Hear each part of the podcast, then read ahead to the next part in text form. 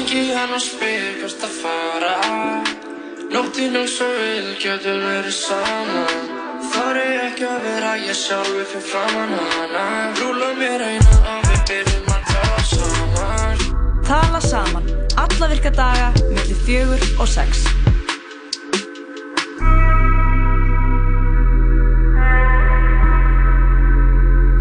Já, það er talað saman. Sem hefst hérna á útverku 101 klukkan er fjögur og við erum sest hérna í hljóðverið Jóhann og Lóa Heldur betur. alltaf svo fucking fersk Jeps, það er 40 að 50 dagur á þessum uh, hlýja 50 degi í september. hlýja og gráa Hlýja og gráa. Við ætlum að fá um mitt uh, sérfræðingin okkar í fortíðinni við ætlum að horfa lengst, lengst aftur tilbaka Já, í tíman það, þá, í fyrsta skiptið er annar hluti uh, 40 að 50 dags hjá sakfræði sérfræðingi þáttarins Jóni Kristinni Einarsinni en hann ætlar í þetta að í síðustu vöku fjallaðin um uh, Erasmus frá Rotterdam frá Rotterdam og í, það verður svona seinni hlutin að þeirra umfjöldunum verður um uh, hann uh, Deil, Deilur hans við Martin Luther já, Lúther. deilur hans við Lúther maður. sem er ymmit frumkvöðl í, í trúmálum Mhm. þannig að ætla að vera ekki mikið að tala um kirkjuna og Guð eitthvað svona, eitthvað svona. eitthvað í þeim, við munum hlusta þeim nótunum við erum með Bach undirspil á meðan. Já. þannig að þetta verður bara há menningarlegur 50 dagur tónleika til, hann, til okkar hann Átna Vil, tónlistamann já, hann er Fjöl, tónleika fjöllistamann, Já. að vera með tónleika. Og já, svo spilum við tónlist frá árinu 1990 jói. Já, eins og glöggir hlustendur þáttarins uh, tóku eftir í síðustu viku þá voru við komin að árinu 2010 byrjuðum fyrir 11 vikun byrjuðum við að spila tónlist frá árinu 19, eh, 2000 tóku sér eitt ári senn og uh, vorum komin á árinu 2010 og þá fannst okkur tilum til þess að eh, bakka aðeins aftur. Já, er aðeins svo stutt síðan 2011 var. Já, þá eru við ekkert sérstaklega, sérstaklega miklu throwback stuði sko. Þannig að við þurfum bakka en það meira á fyrir aftur til ársins 1990 Já, og uh, tónlistin verður þaðan. Það er s- svona að veriðist vera svona genre sem ég fíla mest sem hafi ráði ríkum það er þarna einn svona ástarlög. Must Have Been Love með Roxette Sinead O'Connor, Nothing Compares to You. Já, þessi tónlist var alveg spilu allstaðar og markaði svolítið svona þetta tímabil. Já, ég held að sé líka bara fullkomið að byrja byrja þennan þátt á uh, þessu lagi sem við varst að nefna með henni Sinead O'Connor Nothing Compares to You. Við fáum til okkar fjólistamann Árna Vil eftir öskamar stund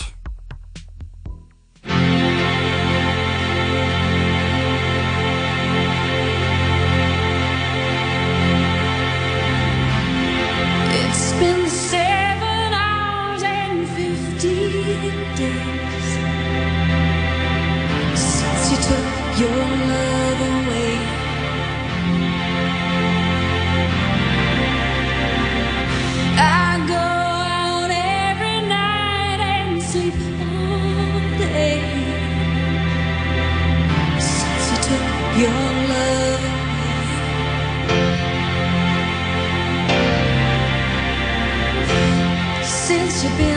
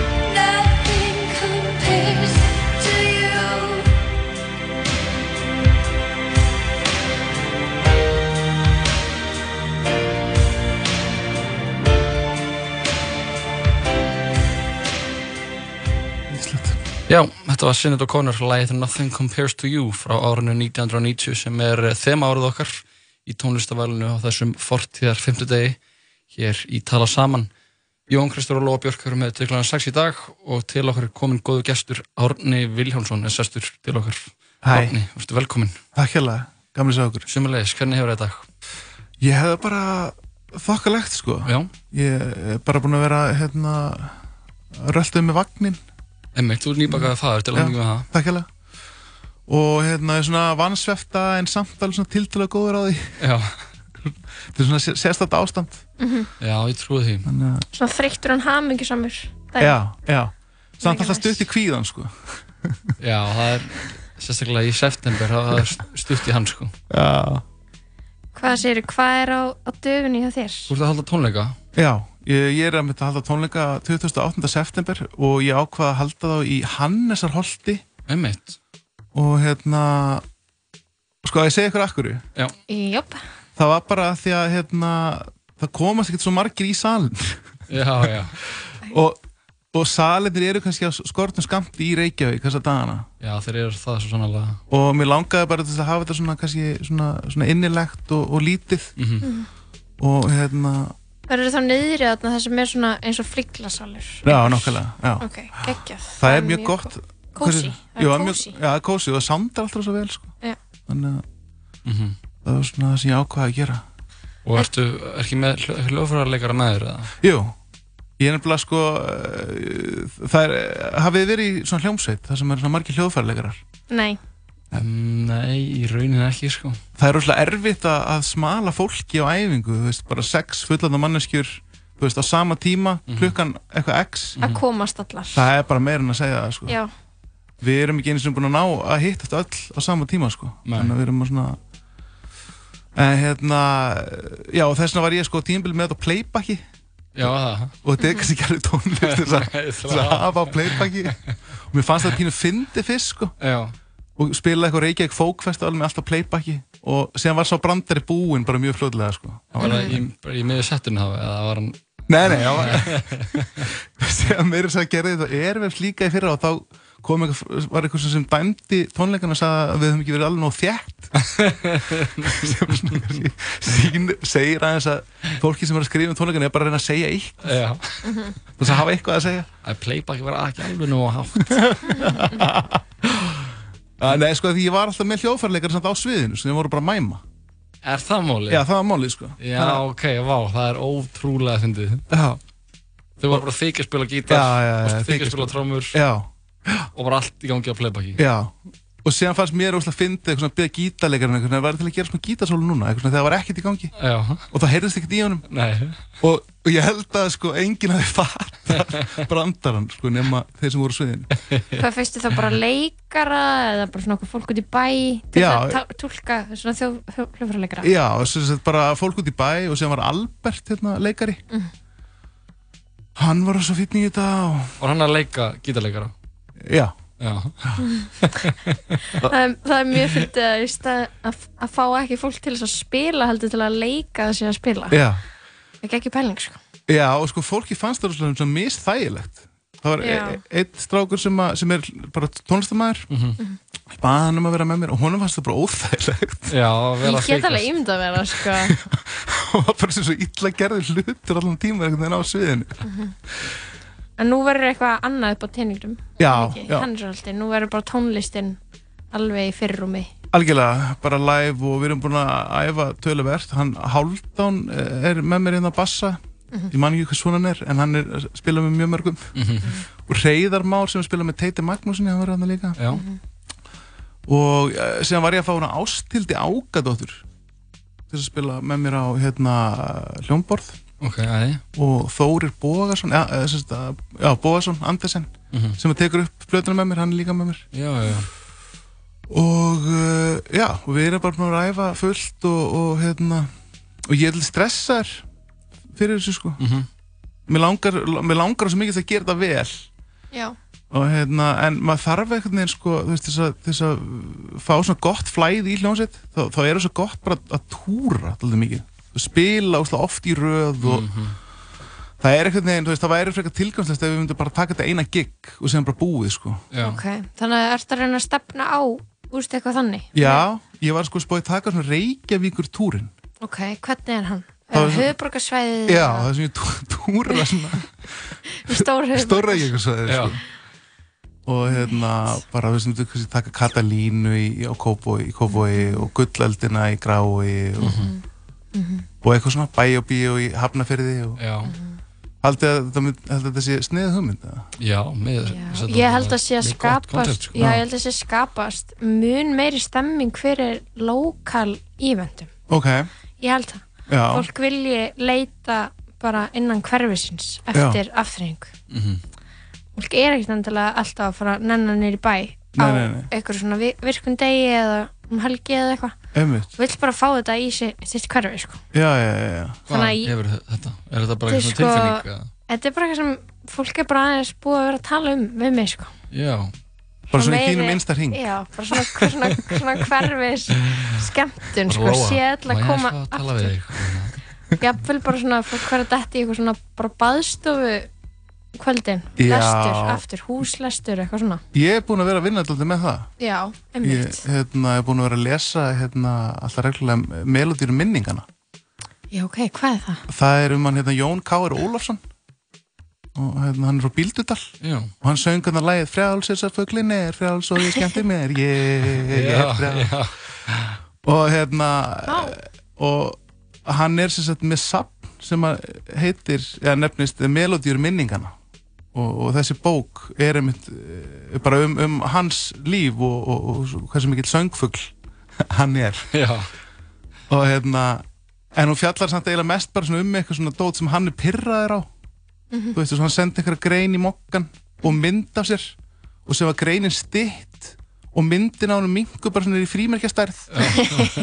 Og hann og allir kapli fjallar bara eitthvað svona hann var pyrraður í morgunblæð Dyrka það. mjög var- gott svona baðstöðu dót sko. Þetta, þetta frjáls eins og fugglinni frjáls, þetta er bara svona, ég var búin að gleyma þetta hefði verið til. já, Bara svo geggjað að vera myndur á eitthvað sem maður bara alveg búinn að gleyma, sko. já, við, er þetta ekki bara gott efni í svona rapplag eða þú veist, svona sampl eða þú veist, bara viðlag Ég er frjáls. jú, það má vel, vera fokkan frjáls kemur eitthvað svona erum milli Já, jó, jó, eins og fugglun er, og ég skemmti mér. Jú. Herru, ef að hlusta alltaf að plötunni, já, endilega. Áttu þér upp á slag? uh, já, uh, ég myndi kannski bara spila uh, Sides. Sides, já, bara svona, svona fá svona drama í þetta. Já, ég til að. Ok. Það er dramatískur fimmtaður hérna hjá okkur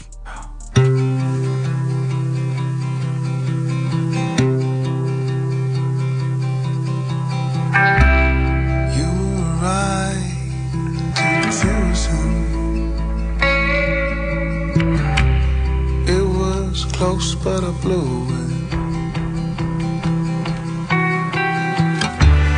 Never run.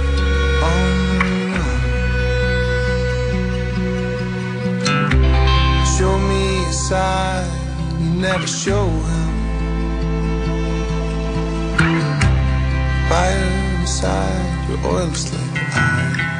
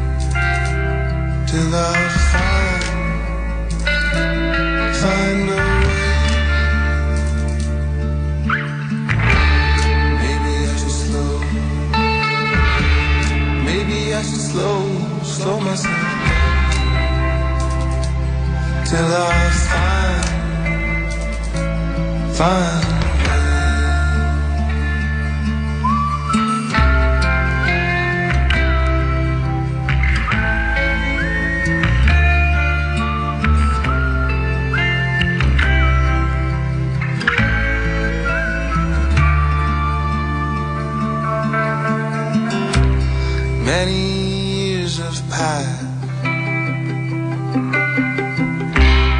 You just can't see through glass. Yellow is the light in your eyes, falling down too fast. Holding hands lying in the grass. Never ever ever let me go. Maybe I should slow. Maybe I should slow, slow myself down till I find, find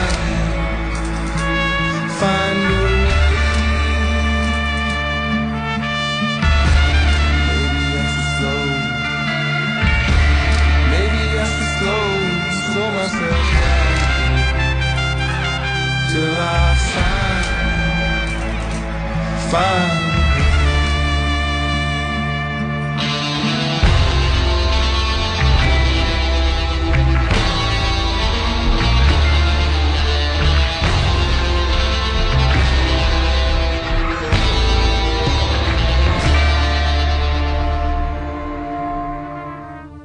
My Story. Átni vil uh, lægið Sights af flutunni Slightly Hungry en þú ert einmitt með tónleika átni í Hannesholti Nákvæmlega 27.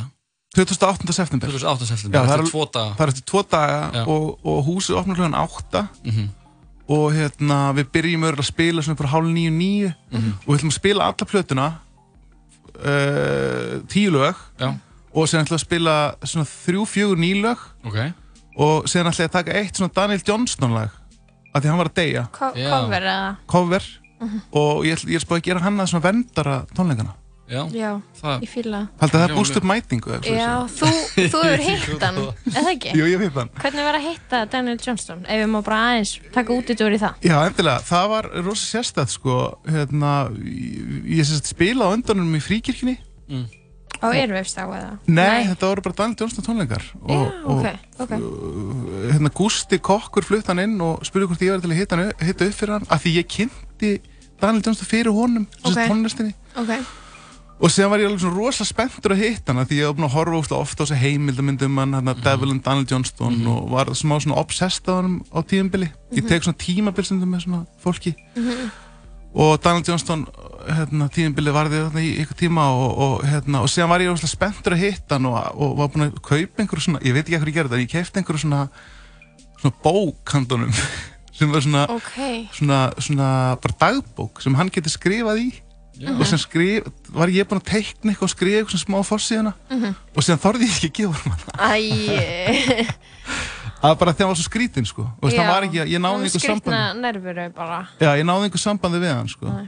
Ég Hvern- er erfitt þegar maður verður svona að, ég hef átt svona mómentar sem ég þorði ekki að Ég Eitthvað fræ, frægan eða svona fyrirmynd? Já, fyrirmynd. Chloe Sevigny þegar ég hitti, hún var á Riff Ah. í fyrra heldur bara. Eða hitti fyrra. Mhm. Og hún var að sína stöppmyndina sína í, í Bíóparadís. Og ég á bók sem er sko bara bók um hana Mhm. með öllum tísku ljósmyndunum hennar og, og bara um hana. Hann er ekki típa Já, hún er líka svona multi, multikulti sko, hún gerir allt bara. Hún er einmitt. tísku, hún er leikhána hún er að hanna og bara, bara gerir allt. Og er svona, smá, hún er svona, svona, svona, smá svona Kanye West í henni. Svona. Já, algjörlega, algjörlega. Og Þú segir að það var svona svar hvítra kvenna við Kanye West hún var náttúrulega komin dálítið svona undan Já, þannig að já, ég- hún hún var kannski allavega- svo brautriðandi fyrir hann kannski. Já, hún er algjörlega og svona það sem hann fylgdist með og, og fór sína leið eftir hennar slóða. En hún var alltaf í Bíóparadís og ég hafði með þessa bók og alltaf að byggja um hún myndi áritana og sem bara rétt svona að ég að muldra út með bara eitthvað You were a great inspiration. Var eitthvað- það? Já, eitthvað svona, eitthvað svona, svona nett lúðalegt. Ég, ég var að hlusta á podcast um daginn þar sem að fólk er bara fólk sem er svolítið svona í grín bransanum Mhm. Já. og er svona aðeins að komast inn í showbiz og það er alltaf að hitta fyrirmyndina sínar. Já, og bara já, tala um einhvern veginn hvað það skrítið frá báðum endum. Aha, bæði að þú veist vera svona mikilvæg fígura í lífi einhvers annars og bara ekki að bræðast rétt við eða skilur nei, nei, nei, nei. Þú ert bara eitthvað, eitthvað, eitthvað oh my god, ég er svo mikill aðdandi þú veist, Þú hven ert alltaf að vera hvað? já, í rauninni, skilur að þú getur aldrei sagt einhvern veginn rétt af hlutin Nei, nei, ég nei, mér, sko. Já, já, einmitt. bara pæling, sko. En uh, Átni, þú ætla Ég lend oft í þessu. Nei. Þú lendir á því að fólk er bara Átni Ok, Bara Átni, uh, getur þú uh, getur þú árið þetta dag dagbúkina mína? Dagbókina mér Skrítið Árið að dagbókina mín. En þú ætla að, við ætlum að fara í eitt lið núna. Já.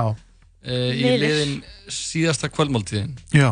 Og uh, fyrir hlustanda þáttarins ef, þið, ef þú kæra hlustandi ert ekki meðutaður eða meðutaður um hvað þessi liður snýst þá uh, snýst það um það að við spyrjum gesti þáttarins hver væri hans eða hennar eða hans síðasta kvöldmáltíð ef þið voru á leiðinni bara í, í uh, Aftökusveitina eða bara gálgan, eitthvað eða gálgan, já. Já.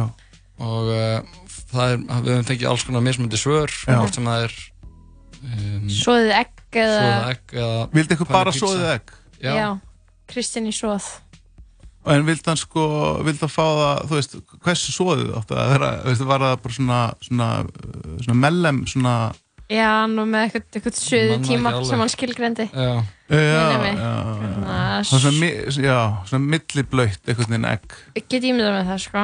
Ekki harsvoðið já, og ekki salt eða neitt á það. Jú, ég held salt, sko. Það er eitthvað svona. Og svo er ég búin, eitt, eitt sem var með pönnu pönnu pítsu á Dóminus já. Já, Pétur kennan var með graut. Og fólk er líka sem að fá sér, þú veist, bara einhvern veginn gröð. Nei, bara. háragraut. Haragraut Já, fólk fæ sér líka stundum uh, þryggja rétta. Já, þannig einmitt, að það er alveg allt í bóði í þessum lið, sko. Mhm. einmitt, fólk fer sína leiðir. Já. Já, ég held, ég veit alveg hvað ég myndi vilja fá, sko. Já, Ok, Uh, ég myndi sko, ég, ég er alveg mögulega í þess að þryggja þetta dæmi sko, en ég myndi aldrei vilja vera of sattur samt sko, ég held að það sé ógslag óþægt að deyja veginn vera gett sattur rétt á þannig að maður deyr. heldur að það? Já, af því að þú veist, mér líður oft svo óþægilega veginn, ég vil vera svona, svona, svona sjarp En þú ert rétt á fara þannig degi sko. en Ég vil þú ert að fara alltaf að deyja. Ég veit það, þess að ég vil finna bara, ég vil fá að finna hvernig það er bara, þú veist, í öllum frum líkamanns, þú veist, bara hvað er að fara að gerast, En skilur, innan með mér mér. sé ekki bara fulla að melta og Nei. bara, ég vil ekki bara allt blóðið sér í maganum eitthvað og, og ég sé alltaf svona heimskur. Bara döður bara En það, ok, það er samt ógeðslega skrítið út af því að þú veist, það er síðan alltaf að fara að hverfa. Svo er bara búið skilurðu. Já, en vill þú ekki fá svona eitthvað svona, eitthvað svona geðveika upplifun rétt áður? Bara fá bara all your senses bara, þú veist, þú bara sensa allt bara Mhm. Til þess ídrasta rétt nú deyrið Ok, Jú, ok, ég er selt á þessu, þessu pælingu. mjög góð pæling. Hvað er í þessari máltíð? Það er sem sagt, það sem ég myndi vilja fá sko, ef við myndum byrja á svona forrétt Mhm. svona antipasti dæmi eitthvað. Mhm. ég myndi vilja ítalskan mat. Ok, af því sko, ítalskan matur í mínum huga er besti maturinn. Já. Þetta er svona comfort food. Mhm. þú veist, þetta er, þetta er hveiti þetta eru oljur, hvít, hvítlug mikið hvítlug, það, Já, þú veist, hann hvítlugur og, chili, þetta gera allt betra ekki satt, er ekki saman um það? Mm, Jú, jú, jú. sammála. Þannig ég myndi vilja, sko, þetta er svona réttur sem, að, sem maður pantur í ítalsku veitingastöðum til þess að sko meta það hvort að staðurinn sé raunverulega authentic eða góður eða ekki. Já, ok. Og þessi réttur nefnist spaghetti aioli pepperoncini og er bara svona einn mest basic spagetti réttur bara á Ítalíu Já, með, er bara, með tómutum og ykkur Nei, já sko, það er eftir að fama þannig veist, en, en algengasta útgáfan er bara, það er bara spagetti ok. Og sem bara olja mikið Já. chili og parmesanostur Já, ok, Ó, bara ymmit og ef þú klúður að þessu ef þessi, þessi réttur er ekki bara eitthvað skilur, ég, ég var að kissa með puttana. Kiss. ég, var, chef's kiss. ég var að gera það. Mhm. og hérna uh, ef þú klúður að þessu þá er bara staðurinn ekki fer maður bara já, fer, þú veist, já, Já. þú ert ekki bara að fá þér neitt meira á þessum stað sko. Nei. Hvað heitir þetta, segir spaghetti aioli pepperoncini Spaghetti aioli pepperoncini Er það um alla Ítalíu, er þetta eitthvað svona sérstætt við? Ég held að sé, þú, bara, þú, myndir, þú getur alltaf fengið þetta á öllum Ok. okay. ítalskum veitingastöðum Ég held að sé bara, þú veist, það er bara þú veist, það er alltaf til spagetti í eldhúsinu það er alltaf til hvítlaugur, það er alltaf til olja það er alltaf til chili, salt og pipar og síðan sko ég hef stundu verið að, svona, þess að pimpið upp heima hjá mér og þá hefur verið að bæta við furunnetum, hérna fetaosti og svona cherry tómatum með mitt mm. það er óssvo gott líka sko. Spaghetti. Spagetti, Þannig að þú myndir væri- byrja á Þetta er þessum. forréttur. Þetta er svona forréttur en sko hann, hann hvað segir Þetta- Ég sagði bara þetta er forréttur. Já, já, þannig að það myndi vera svona, þú veist, bara svona til frekar lítið, þú veist, ég er aldrei mjög sattur að þessu. Nei, nei, nei. En að því þetta er hveiti og þá fyllir þetta aðeins upp í magan og þannig að, hérna, Hveiti maður. hveiti, hvíti döði. Munið munið hvað hveiti fekk mikinn mikinn hatur hérna, hvað var það, 2014 cirka. Já. Það var bara, hveiti var bara eins og, Hvíti döði. já, þetta var bara, þetta, þetta var bara verst í heimi. Já. Og ég bara, get, getum við slaka á Já, veit. að hata hveiti svona mikið? Já, mitt. Hvernig var að hata eitthvað, bara eitthvað slæm, bara eins og krabbamein já, sígarettur, eða, einmitt, En það áfengi, hveit- eitilif. hveiti Byssur. fekk að- henni bara að vera krabbaminsvaldandi, ógeðslega fitandi, ógeðslega óholt, maður eitthvað, hveiti er hveiti, skilur við, þau slaka á. En, ætli, Ég próf hveiti, sko. ég próf hveiti líka, en, hérna, hvað ætli hveiti að þess að drepi marga? Engan. bara engan. Nei, hveiti. Hefur enginn dáið úr hveiti? Ég held að sérst meira að deyja úr, sko, djúbstekta kjúklingadótin á KFC. Þú sért að deyja þar, sko. Já. En ekki í ristu bröði, Ol- ristu bröði með sultu. Ólínu sem búið að liggja og endur nota ósla oft. Já, það er, já. Ok, hvað er næsti réttur á Sko næsti réttur er ég, nei, ég, ég er spæðið að taka bara tvírætta því sko einu sinni var ég hérna á Toskan, í Toskana hér aðeinu Mhm. þetta var svona í kringum árið 2000 Ó, ég elska þegar fólk hefur ferðast mikið. þetta var svona cirka 14 árum áður en allir fóru að hata hveiti Ok. Hérna, eh, þá leigðu við svona sveitabíli Mhm. og, og þú veist á sundlegarna og og, og, og, og það var þetta að panta mat bara svona, þú veist, bara svona heimenginan mat Þannig erst þú bara frekar ungur, eða ekki? Jú, Tvítur? ég er svona 32 ára Nei, ég er títur hérna, og, þá, og, og þarna fekk ég besta tiramisu sem ég á æðin minni fengið svo er svo gott. og sko, má- en máli er að, að sko, tiramisu uh, ég, já, bæði fekk ég besta tiramisu sem ég á æðin minni fengið og það var eiginlega eiginlega fyrir mér á sama tíma, af því ég hef aldrei fengið Allt er vonbriði. standardin hjá mér á hans hár Já. Að bara mjög, ég bara hrækju öllu öðru tiramisu út úr mér sem er ekki, veist, í áttina því að vera eins og þetta tiramisu Já, meitt, eins gott og týra mér svo er, og það er ekkert verra heldur en ekki gott týra mér Ég veit það Og sko, veist hvað er vest? Skíramisu Eitthvað svona íslenskt twist á, á, Já Új, bara. Þú veist það sem er svona eitthvað svona Hver vill skýr í staðan fyrir mascarpone? Engin. eða eitthvað svona, eða eitthvað deconstructed týra mér svo. Eða eitthvað. Já, hvað er það? Ég veit það ekki. Bara hún myndi bara taka allt í sundur. Já, og endur að Já, og svona setja eitthvað svona smá hér, Já. smá keks hér, Já, kaffi. um mitt Eða eitthvað, skilur, ég bara Nákvæmlega. hugsa um bara, þú veist, það er hægt að eyðilegja Setja þetta of marga... mikið kaffi Já, það er hægt að eyðilegja þetta á marga vegu, sko. Algjörlega Þannig að það er bara spagetti og tiramisu. Þetta Já. er classic. Þetta er classic dæmi En ég var Það eitthvað er svona bara, ein, það er bara tveir réttir Er það ekki óþægilegt? Verður ekki verið einhver einhver réttur þarna á skrítið að milli, fá eða? þér bara tvo rétti Mér finnst það Jú, Já. mér finnst það skrítið sko. Ok, ok, og ég segi hvað ég myndi fá mér þá í aðalétt Hvað? Ég myndi bara fá mér bara svona illa basic margarítu. Já, já, já. Já, með buff, di- buffala hérna, mozzarella Já. osti. Já, hafið smakka buffala eh, mozzarella osti? Já. það er þetta að kaupa henni í Costco. Nei, Jú, ég kaupa alltaf svona fötu af þessu því fyrir Costco. Já, og þetta er bara þú veist, mozzarella ostur sem er búin til á Íslandi er bara, þú veist eitthvað svona plast já. bara eitthvað svona Margarita pizza er bara eiginlega besti matur í heimi, sko. já, já, algjörlega Það er sem betur fyrir líka hægt að fá freka mikið að góðum pizzum á Íslandi núna. Er það ekki? jú Pizzur einhvern veginn, Jú, en er það ekki? hver, hver er besta pizzan í Það Íslandi? er- það er- Flatey þú veist, það er kúkusnest, það er flatey, skilur Ég borðaði bara stórkostlega pizza á flætti í fyrir dag Mhm. Og uh, síðan er ég náttúrulega líka bara Ég er Dominos maður Dominos í Íslandi er Dó- Dominos Já.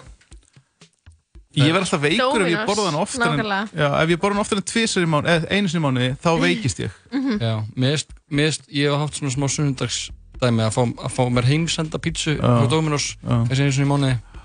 Og þannig að en síðan finnst mér líka bara ég get ekki borðað ómikið af pizzu sko. Er það ekki að vakna nóttunni og bara, þú veist, að, að fá okkur vatn og, þú veist, Jú, jú, það er endar eitthvað svona, maður þurrkast aldrei upp. já, Maður þarf að vöka það sér er mjög bara mikið, salt sko. í öllu. Já, Já. maður þurrkast upp, sko, maður þarf að passa sig að þessu. Einmitt. Salt er miklu verið en hveiti, myndi ég segja. Já, Já. nákvæmlega, salt er höfum vera. salt Já. Hvað, na, ef við ekki að hlusta á annar lag með Átna eða ef að fara yfir í, yfir í 90s Ég var að hugsa um að fara okkur yfir eitt frá árinu 1990 sem er þema árið okkar í dag. Já, indislegt. Hvað varstu, hvað varstu gammal þá? 10 ára? Það var í tíara, já. Það var svo auðvelt að reikna þetta út þegar þú sagði 1980 Uh, Hvað varst að hlusta þú 10 ára? uh, ég var að hlusta á, þú veist, uh, Emmett Prince Já, og, og svona, og sem er samt í hérna Nothing Compares sem við vorum að hlusta um á emitt. og, og Pixies og eitthvað svona. Já, og svona, og örgla allir, Guns N' Roses og eitthvað svona. Já, þú veist, eldi systur sem að var alltaf sem að, litið fá góða já, tónlist Doors, Beatlarnir. Já, já, svona smá throwback. Já, Doors er náttúrulega frábær hljómsveit. Maður er ég sagt nú oft. Mér leiði svo að ég væri ólipalli í smá stund. Svona Já. er að vera Svona er að vera ólipalli og vera með útvarsþátt já þá hefur þið samt sagt eitthvað svona U2 er frábær hljómsveit. Og Ekki. djúlega Neil Young eitthvað nettur. Já. En átni, við minnum fólk á tónleikana þína Já, sem er að daginn Já. í Hannesarholti, já, miðar á text.is, miðratext.is Byrjar átta byrjar átta, Já, eða húsið opnar átta, já Ætli byrjum við að spila svona hálf nýju nýju hálf nýju nýju. Takk að kjalla fyrir að koma átni. Takk fyrir mig, Verðið það góðu í síðustu kvöldmáltíðinni. takk að eðsla Við fáum enn eitt gott frá árinu 1990. Þetta er hljómsveitin A Tribal Quest og lægið heitir einfallega Can I Kick It?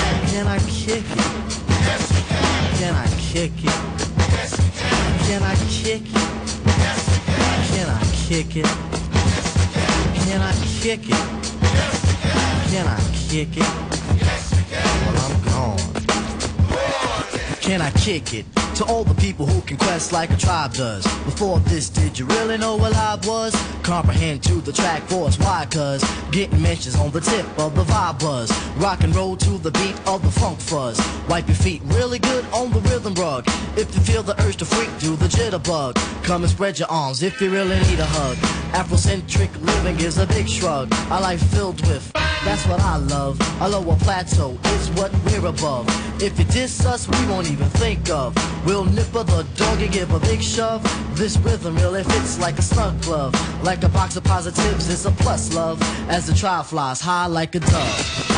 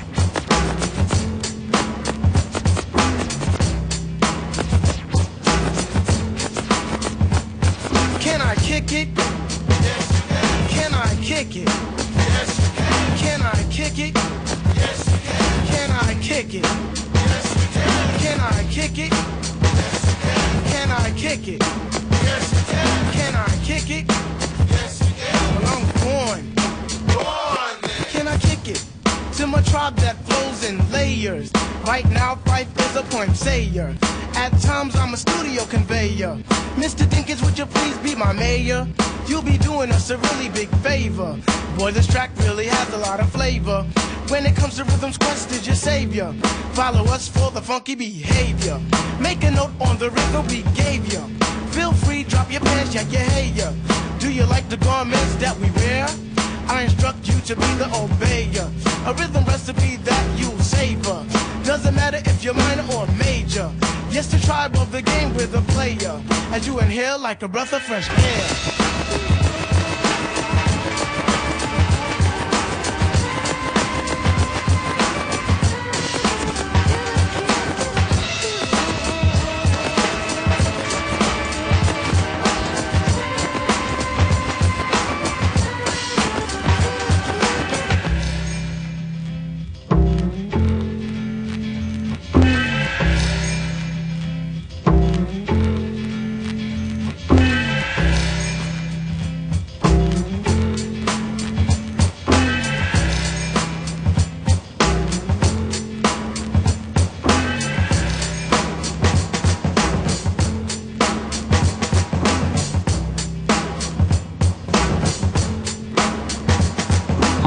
Þátturinn Musli, alla virka daga með Loga Petró og Sigurbjarti í bóði Joe and the Juice.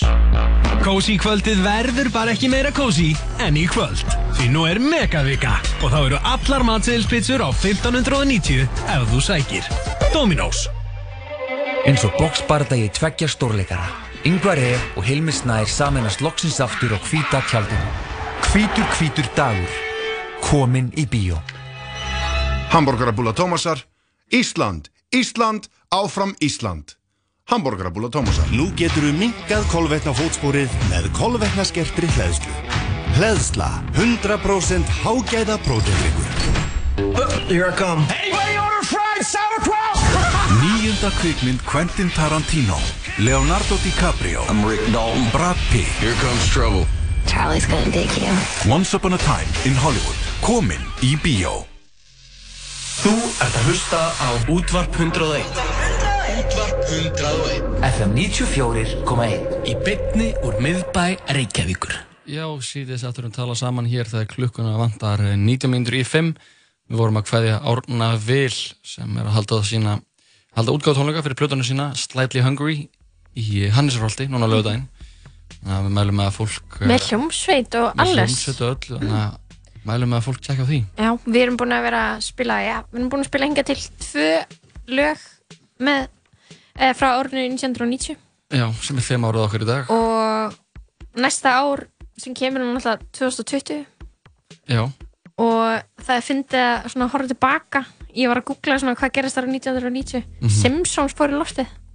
Vá, Simpsons fór í loftið Margaret Th- Thatcher saði af sér Ok. sem uh, fórsettis á þeirra Breitlands Nelson Mandela var sleppt úr fangelsi vá, hvað er eitthvað stóri hlutur að gera þannig. á þessi ári Já. Já. þetta er crazy og Seinfeld minnum mig líka hafi farið í lofti 1990 Já, um, besti grín þettur allra tíma. og hvað heldur að hafi verið lag ársins á uh, svo kallum Entertainment Awards það er Wind Beneath My Wings sumir hluti þeir bara þeir standast ekki tímast tönn Hvað lagði það? ég hef aldrei heyrt um það Wind Beneath My Wings? Já.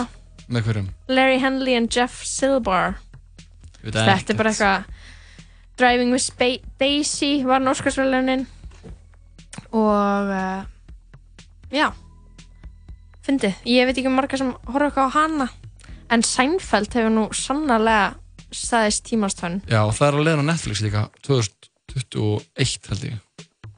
Það er alltaf langt þangað til, hvað meina þeir? Það er 2020, þeir voru bara að kaupa réttin það er búið að vera á held ég Hulu. Ok, Og- er ennþá verið að gera meira Simpsons? þú veist, það er ennþá í framleiðslu eða Simpsons, en ég er að, sagði- við erum að tala um Seinfeld. Ó, ég sagði Simpsons. En Seinfeld, Það er að leiðin á, það er á leiðinu Netflix. Já. en byrju, Eh, er en Það er ennþá verið að framlega Simpsons, já. Mér þykir það svo magnað. Já, þú veist, þú veist bara pældi að vinna við þessa gulu kalla mhm, í uh, 30 ár. Já. Bara hvað ætlar Homer að gera núna? Hvað ætlar hann að gera? Þetta er svona mjög mikið eitthvað svona um um það sem er að gerast í samfélaginu og topical Já. sem er smá lame, finnst mér. En það verður það ekki veist, hvað komin á hvað seri hvað seri ertu komin á uh, 30 years in, skilur Skulum tjekka þetta. Um, mér finnst alltaf þú veist, ég vildi alveg að ég væri að horfa Simpsons en svona ég, ef, ef, ég myndi, ég myndi veikjast skilur, eða ég, ég verið að fyrir fæðingarólof þá myndi ég horfa á Simpsons. Bara allt. Já, myndi ég bara eitthvað kveikja á Simpsons og horfa það. Já. veit alltaf af þeim, sko. Já, Svo svona go to, svona að comfort þáttur, sko. Já, sérðu hvaða serið eru komnir á við erum að tala um að það er serið 32 í gangi núna Mhm.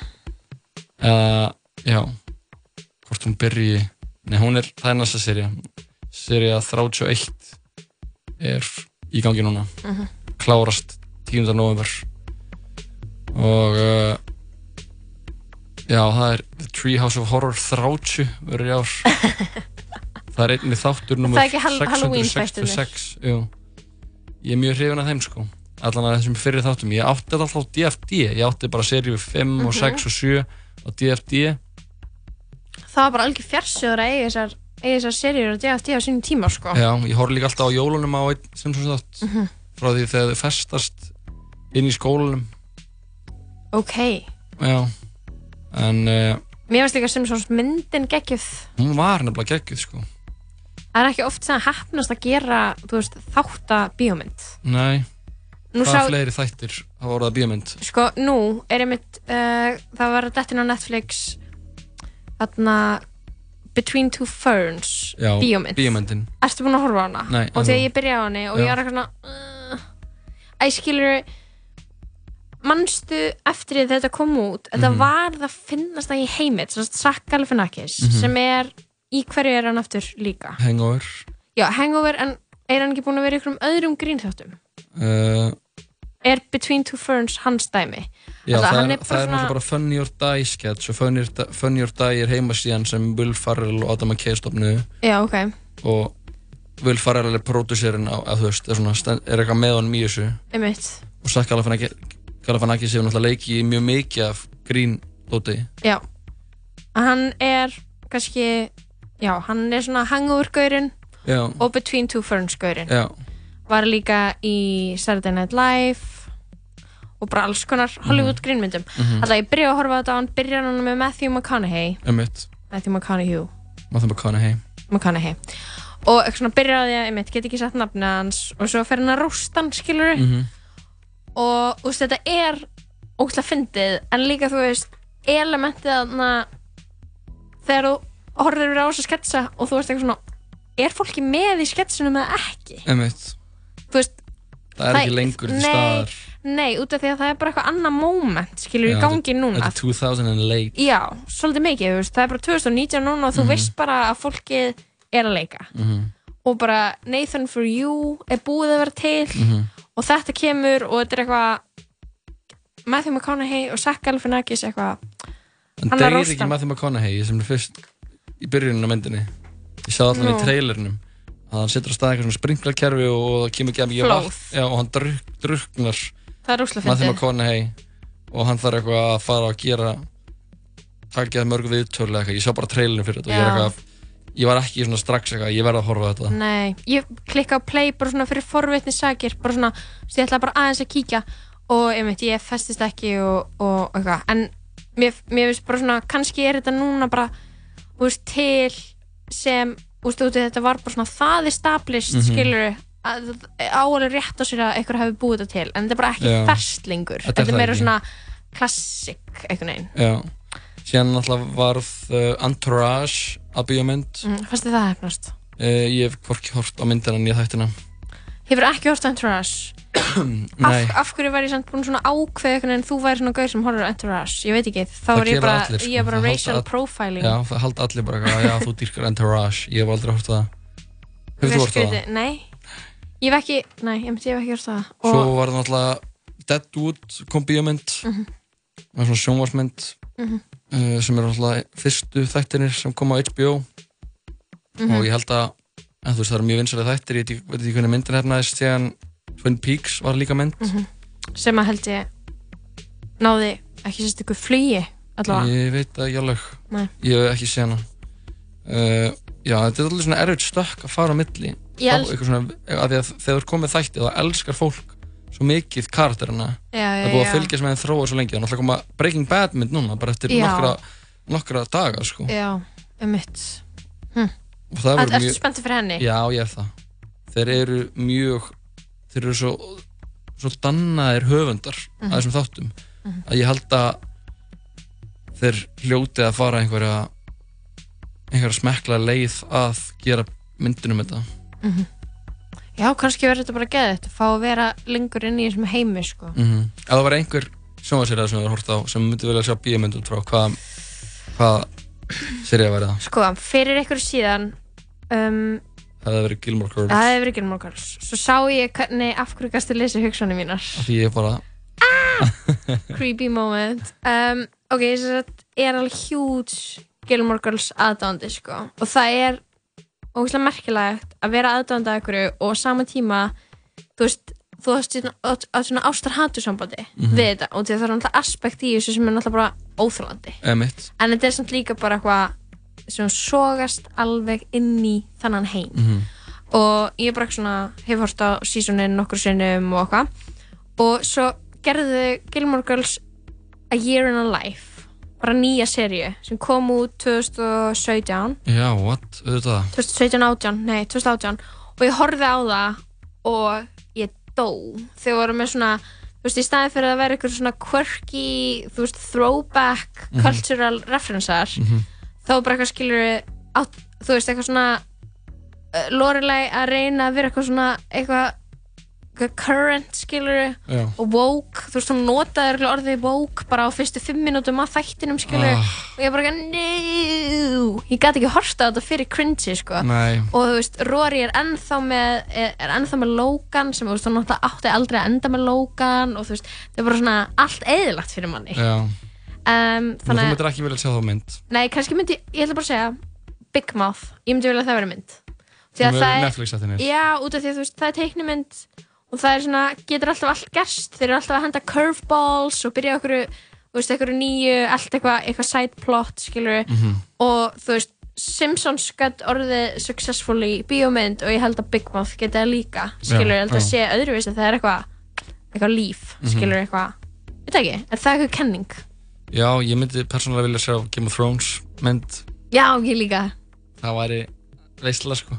Síðan væri ég líka til að sjá uh, sko, Seinfeld skástrík Curb Your Enthusiasm bíómynd. Já, sem var einhvern veginn svona Og því myndir að- ná okkur báðu inn í og þegar vorum að tala um Seinfeld þá áðan, þá var ég að hugsa eitthvað svona þegar Seinfeld kom út 1990 eða hófst þá, Mhm. var eitthvað hvernig væri að þeir hefðu bara aldrei hægt að gera Seinfeld hversu fucking depressing þetta væri er það, skilur hann að hann að Seinfeld 2000 Já, what if Jerry get iPad Já, já, já.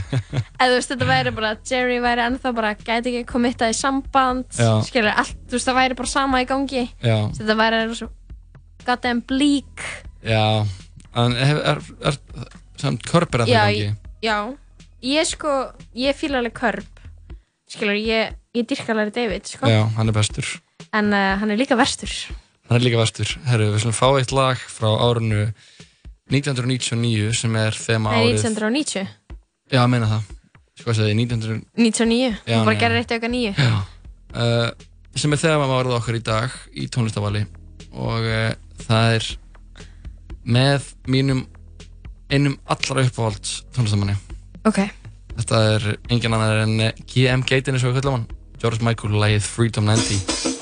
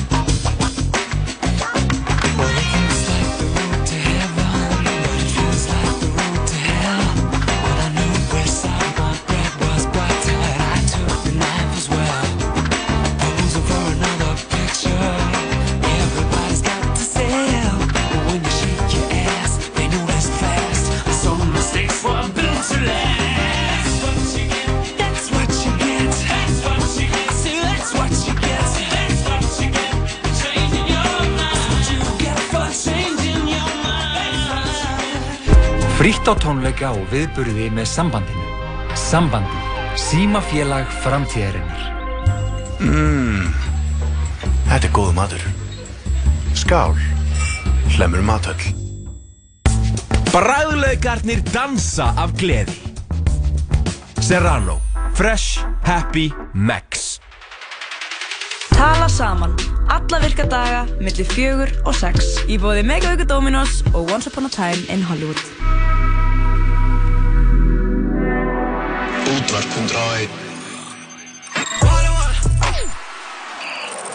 Jú, jú, það er síðdeis átturinn tala saman hér þegar klukkan er að slá í fimm á þessum uh, hlýja 50 eftirmiði degi Jóhann Kristóður Lóa Björk verður með til kl. 6 í dag og til okkar er komin góður gestur á þessum fortíða 50 degi engin annar en segfræði sérfræðingu þáttarins Jón Kristinn Einarsson Jón, verður velkomin Takk að kjærlega fyrir Hvernig hefur það í dag?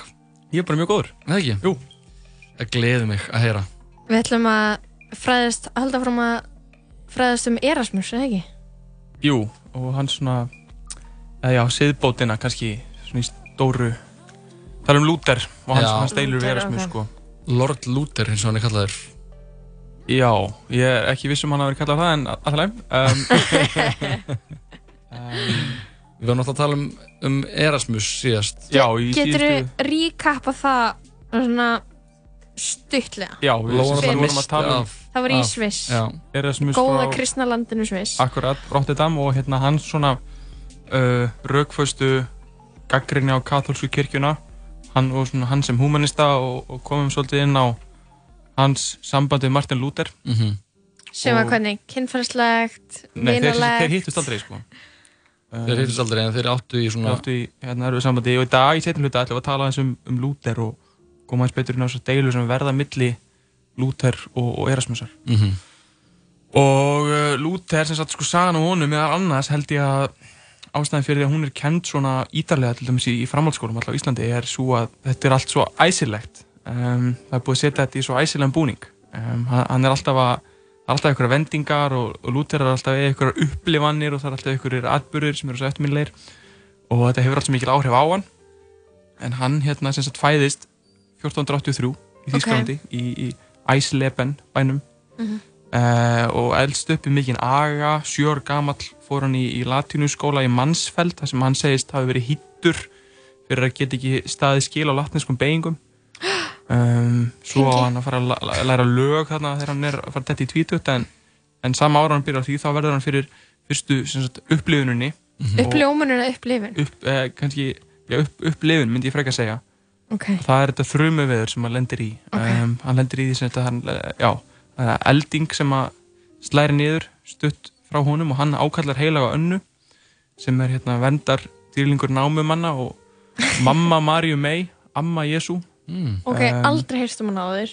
Nei, Ég- Amma Jésu það er ekki minnst á hana í biblínu, þetta er minnst á að hún er ekki nefnd á nafn þar, hún er nefnd á nafn í einhverjum apokryfum brefum síðan mér Ok. Um, og hann heitir á hann og heitir því að ganga í klaustur ef hann, ef hann lifir af. Og það gerir hann, en hvort að þetta í rauninni gerist ekki, vitum við ekkert um. Um, þetta er gæti bara verið bull. heimildirnar um þetta eru koma fram miklu síðar Mhm. uh, einhverjum áratugum eftir að þetta gerist. Og uh, Gunnar Kristjánsson hann í æfisögu sinni Lúther bendur á að nafn heilarar önnu í þessu samíki til dæmis er ekki nefnt fyrir 1539 30 Og- árum eftir að þessu atbyrður á sér stað og svo er annar atbyrður, það er turn upplifunin það er hérna sem Lúther segist að hafa verið að lesa Rómverjabref Páls Postula uh, í sem sagt turni hérna, kirkjunar í, í Wittenberg þar sem hann var uh, bjó. Um, og þá að, að hafa dæmst yfir hann nýr skilningur á náð Guðs. En það er líklega líka setni tíma upp- tilbúningur miklu frekar er, er líklegt að þessi skilningur hans á um,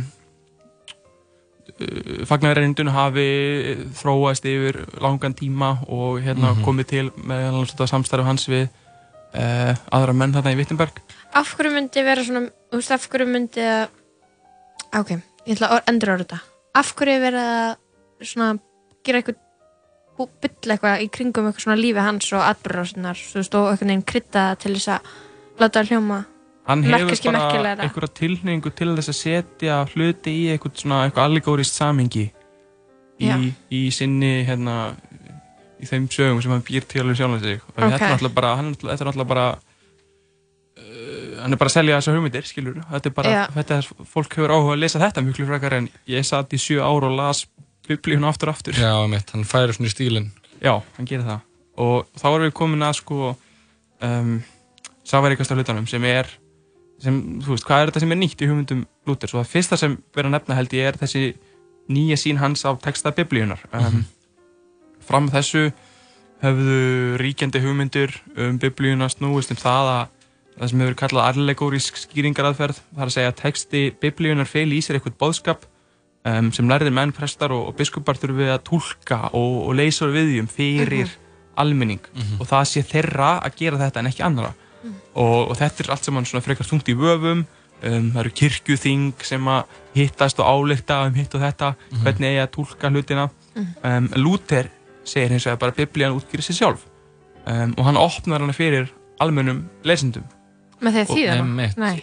Já, bæði með því að þýða yfir að þýsku og svo bara með því að breyta um, því hvernig litið er á biblíutextana en svo eru aflátsbrefin sem við komum aðeins inn á síðast jú, jú.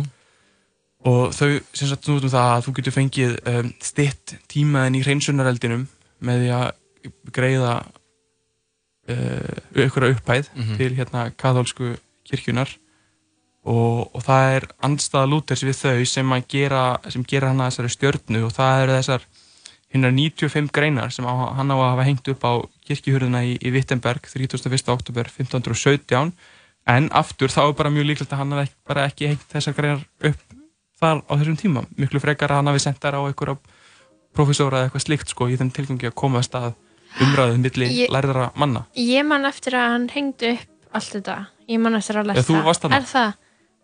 Bull Ég, það er svona núna frá sjönda áratug 20. aldar eitthvað svo leiðist þá hafa menn Mér hef bara kent þetta bara núna á tí, tíunda ára 2001. aldar Já, akkurat, tíunda já, Fyrsta, núlta. Öðrum. Öðrum. Um, Tölur. Já, það er hérna, þetta er ég ég maður rétt að var heimildi fyrir þessu þetta kemur ekki fram fyrir en í einhverju bref eftir Philip Melanchthon 1545 Mhm. og með þess að hann var ekki í Wittenberg þegar þetta gerist, sko, hann kemur ekki til Wittenberg fyrir ári síðar. Þannig að, og eh, sko, ef maður les þær þá er hann ekkert beint að gaggrina, sko, gaggrina aflátsur, hann talar um afláts sem slikt og þetta er mjög fræðilegu texti og hvort kirkjana hafi vald til þess að styrta tíma fólks í, í hreinsunaröldunum og þetta er allt sett fram með mikil hófsemi og er á latínu notabenni Mhm. og en þessar sérst kenningar um aflát og, og hreinsunaröldin eiga rætur sínar að reykja til krossferðana á 11. öld Mhm.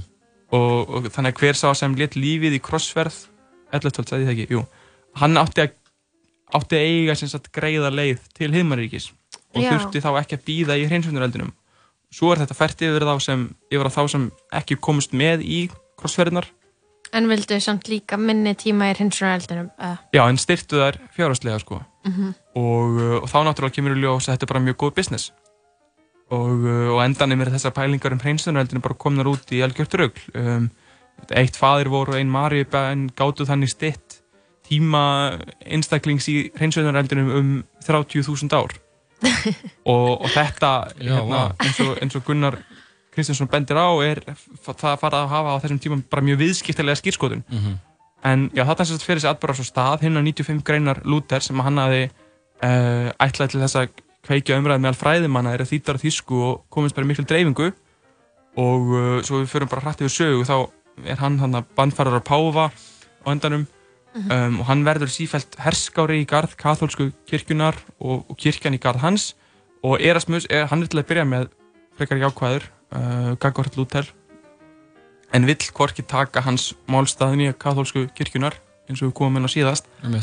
Hlutlaus. en uh, já, endanum skrifa hann gegn Lúther og hann ræðst í rauninni ekki gegn sko hildar kenningu Lúthers heldur velrænandi eina atriði sem er um, frjál, frjál, frjálsi vilji. Mhm. Eh, kenning Lúthers um frjál, að, að við, höfum ekki frjálsa vilja. Það er kenning Lúthers að við höfum ekki frjálsa vilja? Um, sko, ef við byrjum bara að byrjun þá getum við sagt heldur með grófri einföldun að, að megin kenning Lúthers sé svo að þú færði ekki sáluhjálp í gegnum einhver verk og þá er sem sagt verið að vísa í þessu sjö sakramenti katholsku kirkjunar sem er skýrt ferming uh, altari sakramentið uh, að hjáta sindi sínar og fleira Mhm. heldur sé það sagt bara trúin sjálf og, og rétt breytni um, sem er eina meðal þetta er mjög huglagari nálgun um, en Erasmus hann ræðst ekki á þetta heldur tekur hann fyrir eins og ég segi mjög minna atriði sem er þessi hugmynd sem er rauninni gamalt deilöfni hvort að menn hafi frjálsan vilja og kenning Lúthers er svo eftir syndafallið uh, Adam og Evu og hérna forbunu ávextina Mhm. Þá uh, væri, er vilji manna bundin af erðasyndinni og þetta er komið frá Ágústínusi, heilugum Ágústínusi sem skrifar hann hjáttningar sínar á uh, 50 öld eftir Krist. Og það er þetta að eðli mannsins er syndugt og það er yfirsterkara viljanum. Og eina leiðin til sárihjálpar er gegnum náð Guðs. Mm. og uh, Mhm, ég Guð verður að grípa inn í. En Erasmus segir eins og það að þú veist sko, það er uh, í raun fyrir ekkur auðvelt þannig sé að velja millir góðs og íls það er, ég talaði um það í biblíunni að Smá hérna, Greta Thunberg vibes. Já, uh, kannski eitthvað litið já. Mhm. um, Gjötu verið. Nei, hún er að segja það. Þú veist, þú bara velur. Það Já. er hérna bara að fara vondur og góður. Mhm. um, og sem sagt Erasmus byrjar að því að skrifa uh, reit sem heitir um frelsi Viljans fyrsta reiti sem hann skrifar gegn Luther 1524 sem er í raun samt mjög seint sko því að síðbótin er farin vel við stað þá og Luther svarar svo með hérna, um ánuð Viljans Ok. sem er til í íslenskri þýðingu Jóns Átna Jónssonar og Gottskálls Jenssonar og sko sumur sjá þetta að hugsa að Luther sem með þessu segja að menn hafi ekki frjálsan vilni til þess að taka uh, sjálfstæðar ákverðanir í daglegu lífi þetta sé eitthvað svona forlega higgja en það er kannski eh, ekki alveg rétt þetta ámiklu fyrir eitthvað við eitthvað herra plan, hærra plan. og er hugsað í stærra samengi heldur en uh, Guð er búin að plana nákvæmlega öll smáatriði sem munu nokkuð að gerast. Hvort að ég fáum bara söldu eða smjör? Já, einmitt. Um, En Erasmus, eins og ég segi, hann grýpar eða sent inn í og, og siðbótin er komin of langt þegar hann ákveður að fara að tjá sig og hann uh, skrifar svo langa bók við svari Lúthers en hún er svona já, um, löng og fræðileg og, og nauti ekki mikillar hilli að Lúther held ég hann að í raunin ekki vera svara verða og þar mjög laug uh, umræðinni og þess að og Lúthersk evangelíska mótmælanda kirkjan er svo stopnuð þarna með Augsborgarjátningunni 1530 Mhm. um, það er í rauninni má segja hann hafi haft sigur, svona heldina liti sko. Mhm. en um, Og Erasmus var bara einhver staðar að enginn veit hvar hann var. Já, hann verið í Sviss. Hann var í Sviss. Bara einhver staðar undir feldi. Já, og hérna er orðin frekar gamall. Degir hann 1536 bara stutti síðar. Það er líka að leðalt að vera í, í reytelum við eitthvað. Eða svona, eða svona hugmyndafræðilegum. Held samt að þeirra haft mjög gaman að því sko. Já, jú. Já, en síðan að tapa og deyja svo bara. Ég held að sé alveg, smá svekk. Líka smá leðilegt líka allir eru Lúthers trúar ekki Erasmus trúar Já, Já. það hefði geta, hefði geta fallið Hey. þannig. Það geta farið, Mm, nei. Nei, alltaf, það, það er það sem er komin á síðast sko, að Erasmus fer ekki gegn uh, Nei, hann fer ekki- undirstöðum. Nei. Káðsku kirkjunum Þeir eru Hann bara að rífast um hérna núansa í pælingunum hans Lúthers eða? Já, það er í rauninni Erasmus sem velur að gera það Mhm. Já. um, og en grípur alltaf sent inn í og þú veist, hann bara hendar ekkit hans uh, aðferð mölsku aðferð, ver- hendar ekki inn í uh, mál sem eru ja, politíst og rumbar vitni Nei. um, en uh, höfu, er ég komin langt yfir tíman? Hvernig, Nei, ná, ég er bara- bara gaman að þessu og ég tók með hérna bók sem heitir Lúthers lestrar Já. fyrir hvern Já. dag ársins Mhm. Og hvað, hva, hvers Um, eðlis er þessi bók? Þetta er sem sagt bók sem að uh, alþjóðlega Lúthers stopnunin í Erfurt í Þýskalandi gaf út 2007 Mm. og er þýtt af Gunnari Kristjansinni og er sem sagt það er hérna einhver uh, bútur úr rytningunni hvað vers og svo er hérna útlegging frá Lúther fyrir neðan fyrir alla dag ársins sko. í dag er uh, 27. september Mikið rétt og uh, ég var að spá hvort að get ekki bara lesið, þetta er ekkert mjög langt sko. Jú, bara endilega. Mér finnst þetta að vera svolítið góð bóðskapur Já, Já, það Þetta sem sagt er úr sko Já, þetta er postulasagan og uh, uh, Filipus skundaði þangað inn og heyrði mannin verið að lesa Jesaja spáman. Hann spurði hvort þú skilur það sem þú ert að lesa. Svo segir Lúter um, Við höfum komast að því hversu lítið fólkið og sérstaklega unga fólkið skilur í einni predikun ef það er ekki sérstaklega spurt út í hana. um, en hvenar á prétikun og fræðsla betur við og hvenar er það nöðsynlegra en einmitt þegar gengið er til altarissakramentið um, og það er vegna þess að við getum ekki og ætlum heldur ekki að útdeila altarissakramentinu til neins sem er ekki undir að búin. Til þess er trúfræðslan. Um, fyrst er að spyrja hvað uh, það hafi lært í trúfræðslu hverinu og hvort einstaklingurinn vilji láta af syndum sem hann hafi drygt því að við viljum ekki gera kirkju Krists að svínastíu og leifa hverjum og einum að hlaupa óundirbúnum til kvöldmáltíðarinnar líkt og svínin er látin hlaupa á tróginu. Hann er bara lög, und, undirstæðan að fermingafræðslu Já, maður kannski hérna, segja það, þessi ykkur, ykkur vísir að því sko. Já. En það er þetta með að skilja sem maður er að lesa sko. Það er mikilvægt Það hérna, verður að vera eitthvað skilningur til staðar. Ma maður hugsa svona stundum svona til biblíunar að, og svona til árana þar sem maður var í fermingafræðslu Já, svona hversu um, ekki allir á Íslandi sem fór í fermingafræðslu en svona hversu mikið maður skildi í raun og veru það sem var verið að fjallum vekst þú í alvörunni eitthvað svona fermingar? Mér meinir þetta hafa bara verið eitthvað svona leiki, ferleikur og eitthvað. ah, sko þetta var fermingafræðsla en það var ymmitt líka náttúrulega þú veist að vinna með úlinga og þetta er svona margir sem að kannski hafa eitthvað geðvikan áhuga á þessu Nei, og þá þurfa bara, það er bara fólki að vinna með það og þá er mitt endar þetta kannski svol- svolítið í leikjum Já, sem er kannski ekki undarlegt sko. akkurat. En uh, Jón, við þakka kjærlega fyrir að koma nú. Takk fyrir mig. Það var góður bótt, það er gott að fá svona uh, í tveimur þáttum. Já, akkurat. Halda Erasmus og, og Luther. Fólk hefur bara beðið ofan í hérna alla vikuna. Já, fólk hefur voru að ringin, við hefum bara þurft að taka síman og sambandi. Já, sko. einmitt. Hva, hvað tekur við hjá þér í dag Jón? Um, herðu, ég er að fara á hérna, fyrirlestur hjá ættfæðingafélaginu á þjóðskilsatinu um, uh, þar sem að hérna, er fyrirlestur um Magnús Ketilsson, sístumann í Dalsvíslu Ok. og hérna bara hann er svona upplýsingamæður og, og það er, hann heitir hérna Jón Torfi upp á þjóðskilsatinu sem hefur verið að rannsaka þetta Mhm. og Þú átt enna öðruvísi líf heldur en flestir aðrir 23 ára menn um, ég, við verum örgulega nokkur rann 23 ára menn, þannig að ég er ekki svo viss um það Takk kjærlega fyrir komin Jón, við fáum hérna annað lag frá árinu 1990. Þetta er Tom Petty og lagið heitir Free Fallin'.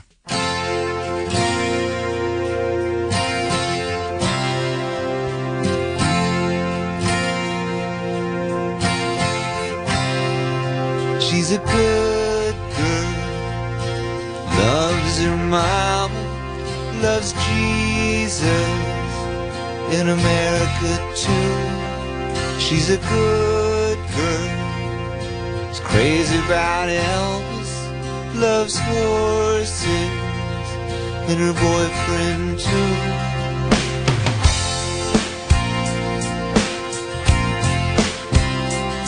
And it's a long day living in Reseda. There's a freeway running through. And I'm a bad boy, cause I don't even miss her. I'm a bad boy for breaking her heart.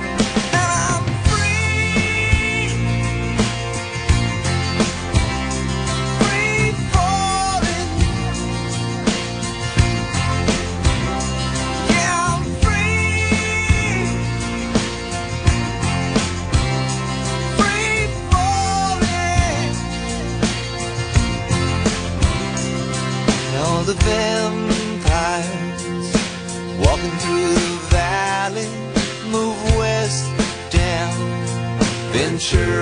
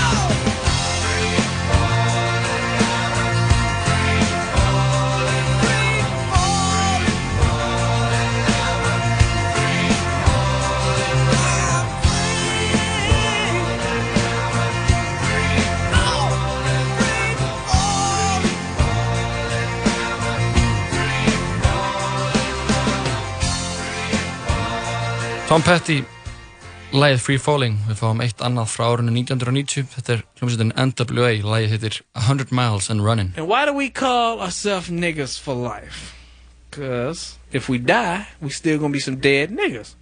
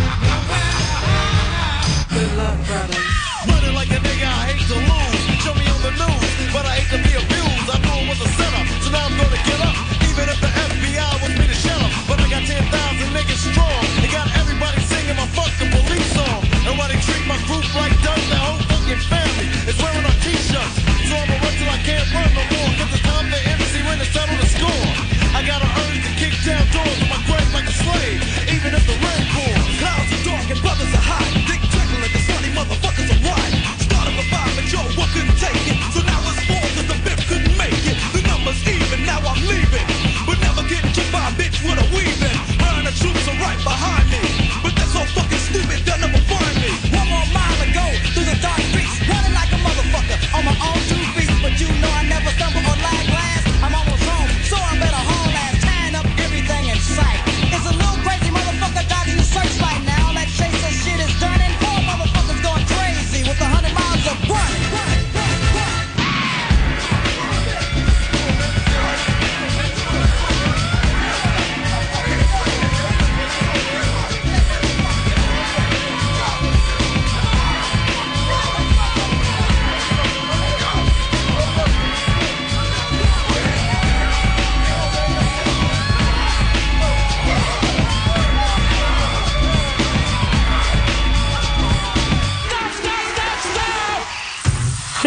okkur á netinu á 101.life Lýstu yfir sjálfstæði með 200 gramma Heavy Special.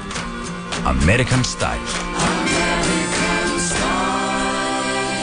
Bröðrófan er komin aftur í djúsin eða á samlokuna Joe and the Juice. Kaffi, djús og svo miklu meira.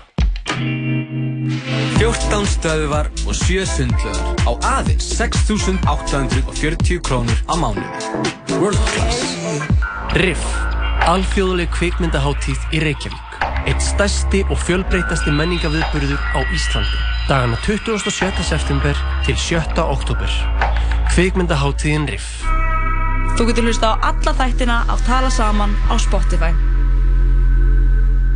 Já, það er síðdeist þátturinn tala saman sem heldur hér áfram á þessum uh, fína 15. dags eftir miðdegi. Jú, jú, við erum búin að vera að hlusta tónlist frá árinu 1990 Já, það er alltaf erfitt að hlusta svona lög. Þau eru eins og lögin voru svo le- löng. Já, erfitt eða kannski bara næs bara ágætist tilbreyting við svona eins tvekja minna löng lög Jú, jú, það er Það er kannski rétt. skemmt, skemmtilegt sko Ok, við erum búin að vera, við vorum að kveða Jón Kristinn, hann var aðeins í sagfræðinni, vorum að tala um Luther, Erasmus líka, svona þeirra samskipti og svo þetta er allt svona, svona forsendan fyrir síðan trú Íslandinga, Mhm. magnað alveg reynd. Það er alls konar að gerast í þjóðfélaginu, hann að það eru uh, það sem að blasi við mann ef maður fyrir á fréttamleilina er nú þessar uppsagnir Já. það er verið að segja upp mikið af fólki og bara sendum okkar kveðir og þá sem er að missa vinnuna í dag Já, frekar leðilegt skrítið líka að þetta gerist á sama tíma í mörgum mismöndi fyrirtækjum er Mhm. það tilviljun eða er það þú veist, hvað var að Mér gerast finnst, mér finnst það mjög skrítin tilhörun. Það er kannski þannig að það er bara mánamót Mhm. og uh, einhver dilgja í hakkjörnu, vilja sem ég menna. Já, ég veit ekki hvað þetta er sko. Ekki er ég hagfræðingur. Nei. ekki, ætti kannski að fá hagspá Ha. það væri gott að fá eina góða hagspá núna. Já, hver getur Veit veitt það, okkur hagspá? eitthvað svona hagfræðingur. Hags- hagspámaður Hagspámaður. Herru, þarna spennandi uh, næsta viðtal hjá okkur. Við ætlum að tala hana Ásvonu Mjöll Stefánsdóttur. Hún var viðstödd Burning Man Já, að í sumar. Að ringja í hana. Og- Rosaleg og- hátíð, sko. já, ég bara, ég verða að fræðast um þetta. Það sem, svo vitneska sem ég hef hún takmarkast einungis við að, já, hún takmarkast við popkultur skilur, og núna verður bara að vita hvað er að gerast, hvernig það er. Mhm, mhm. sem að hlusta á lag og, og svo verður hún hérna með okkur á línu þetta er öskama betur. stund. Við slumum fá eitt, uh, eitt klassíst frá árinu 1990. Þetta er engin annar en uh, Phil Collins, lagið hittir Another Day in Paradise. ah, svo góður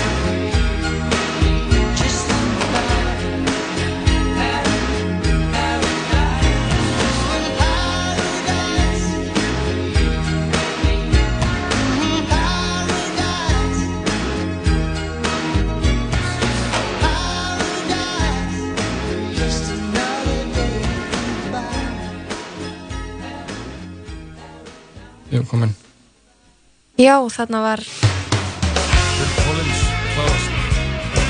Jú. Ó, nei. Ásrún. Já, hæ. Hæ, hæ, sorry með þetta. Með smá tæknilegir áruleikar hjá okkur inn í hlöðurinu. Þú ert að spjalla við Jóhann og Lóu í útarfundur á einum. Hæ, Hæ, hæ, hvernig hefur það í dag? bara stórgótt, en þið? Já, við erum bara fersk Við erum sér svo fersk. Getur þú sagt okkur uh, hvernig var á Burning Man í sumar? Vá, já. Um, hvernig, það var stórfengli upplifun.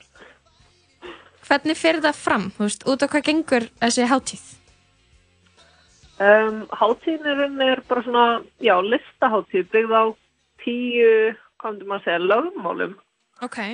sem að svona eiginlega allir fara eftir og svona þau sem kannski eru svona hinn helstu eru að þetta er svona gifting economy og það eru í rauninni allir velkomnir og það er hvart til svona sjálftjáningar Mm, já, og þú þarfst að í rauninni reyða þig bara á sjálfan þig og koma með allt sem þú þarft, mat og vatn og svo þarfst að taka allt tilbaka Mhm. og þetta er haldið í eigðumörkinni í Nevada. Einmitt, þetta er í eðimörkinni. Á, er, er, er þetta eitthvað svona sérstökum stað? Er þetta alltaf á sama stað? Þetta er alltaf á sama stað, þeir kalla það The Playa og borgin sem er reist í rauninni ár hvert og svo tekið niður heitir Black Rock City og ég held að í ár hafi verið 90.000 manns sem tóku þátt og allir eru rauninni þáttakandur en ekki áhörvendur. Vá, 90.000 manns. Já, risastór borg sko. Og þetta er listaháttíð og bara alls konar í gangi. Þú veist. Já, bara, veist, fólk kemur og smíðar bara ótrúlegastu hluti og svo er jafnvel kveikt í þeim í lokin. Og í rauninni er það svona nánast síðasta kvöldi þá er kveikt í manninum uh, sem er, já, mismunandi eftir á hverju ári. Mm, og bara já, í rauninni fólk kemur og skapar ótrúlegustu hluti, það er tónlist og það eru fyrirlestrar og dans um, bara já, alls konar. Hvað er þetta, er þetta ekki uh, búið að vera haldið í ákveðlega mörg ár? Jú, nú veit ég ekki alveg hversu mörg en ég held að sé alveg yfir 20 ára allavega Og hvað er þetta, veist, með tjáningunar, er fólk að fara í, þú veist, búninga og eitthvað þannig? Já, þú veist, sem eru naktir, aðrir eru í búning um, og líka bara hvað var þar hugsanir þínar. Þetta er bara svona, allavega fyrir mig fylgdi þetta, fylgdi þessu mikil frelsistilfinning að þetta er bara, þú kemur aðna og ert bara nákvæmlega eins og þið langar til þess að vera eða þér finnst þú vera. Mhm. og það er svona kannski margt af þessu svona thought provoking að því leitinu til að það farið til þess að hugsa svona af hverju við gerum hlutin á ákveðin hátt af því að þarna eru kannski margar af svona reglum eða venjum farnar og þú mátt ekki auglýsa neitt þarna og þú getur ekki keft neitt þarna um, og þú reyðir þig bara á hjálp annara ef þið vantar hjálp og svo býður þið fram þína aðstoð þannig að þetta er mjög skemmtileg upplifun á öðruvísi samfélagi Mhm. Hvað stendur þessu hátíð yfir lengi? Hún er í átta daga. Og varstu alveg aðna í eðimörkinu í. Nevada í átta daga? Já. Hvernig, veist, hvernig emmar á áttunda degi á Burning Man? var hann þreyttur um, en líka bara já, hamingisamur en ég fór svona dálítið í gegnum allan tilfinningaskalan ég uppliði mikla gleði og ég var líka alveg einmanna, ég var ein. Já, fórstu ein? um, ég fór ein en ég kynntist alveg fullt af fólki og já, uppliði svo mikla fegurð og samkend Mhm. mm, eiginlega já allt, svo var maður líka bara mjög þreyttur á því að vera ríkur og já, langaði kannski bara eitthvað kallt að drekka. Það er ekkert rafmagn, þetta er allt bara svona, það er allt bara, Já, þú þarftir en ef þú vilt koma með rafmagn með þér þá þarf þú bara að koma með allt til að græja bara það sko. bensinmótor og... Ég í rauninni bara legði mér bíl og gisti í honum og byggði svona eiginlega hálfgeft skíli yfir hann af því að vera svo ótrúlega heitt hann og það geisa svona sandstormar eða ríkstormar þannig að já, ég byggði svona eiginlega skíli yfir bílinn og svaf í honum en náði ekkert að sofa lengur en til tíu af því að þú verður bara brjálaslega heitt Einmitt. Hvað, þú veist, eru, þú veist, kynntistu mikið af fólki sem að, þú veist, er bara kannski í einhverju, einhverju svona stemmingu bara allt árs... Einhver svona all- alternative all- lífstíl. Já, allan ársinn ring í rauninni. Já, alveg töluvert og það eru náttúrulega minni útgáfur af þessari hátíðum heim allan og margar í Evrópu. Já. Heitir Það þetta ekki að vera börnur? Burns. Já. Heit, að, að vera svona, fara á svona hátíðir, heitir þetta ekki að vera börnur? Það var eitthvað svona Þá sagði er maður burner, jú. Já. Og maður alltaf að, ef maður ekki að, ok, ég hef svona, svona mjög yfirborðskendan skilning á þessu, maður fer og maður er svona að brenna sjálfan sér líka, eða skilur, og verða eitthvað svona... Já, gæti alveg verið þannig fyrir sum og í rauninu var þema þessa ástar alltaf mismunandi svona áhersla Mhm. metamorphosis sem að er einmitt kannski eitthvað svona umbreyting Mhm.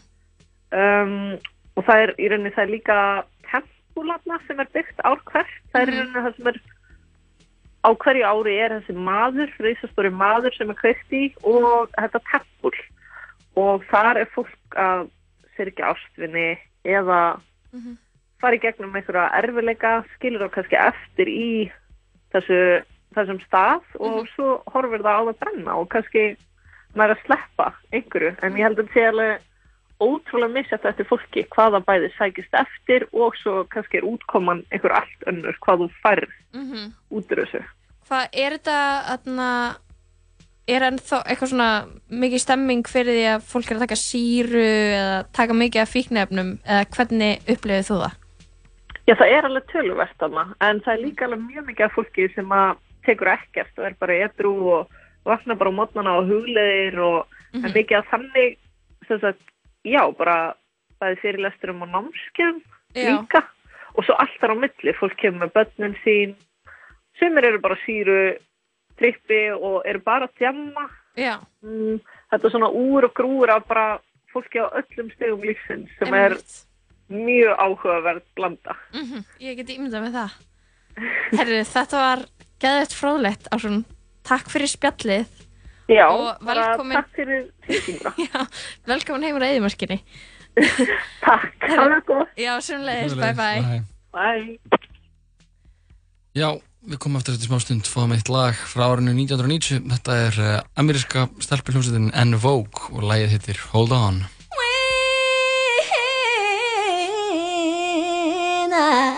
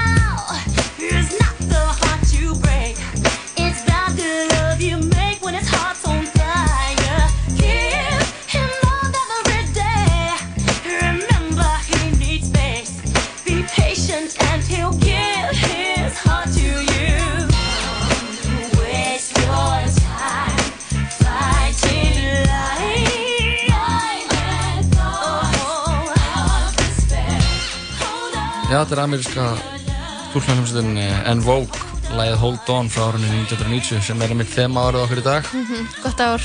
Gott ár. Gott lag. Hvernig, hvernig heldur að hafa verið stemmingin í þjóðfélaginu 1990? uh, Ég held að hún hafi verið tölulega svona hrign heldur hún er í dag.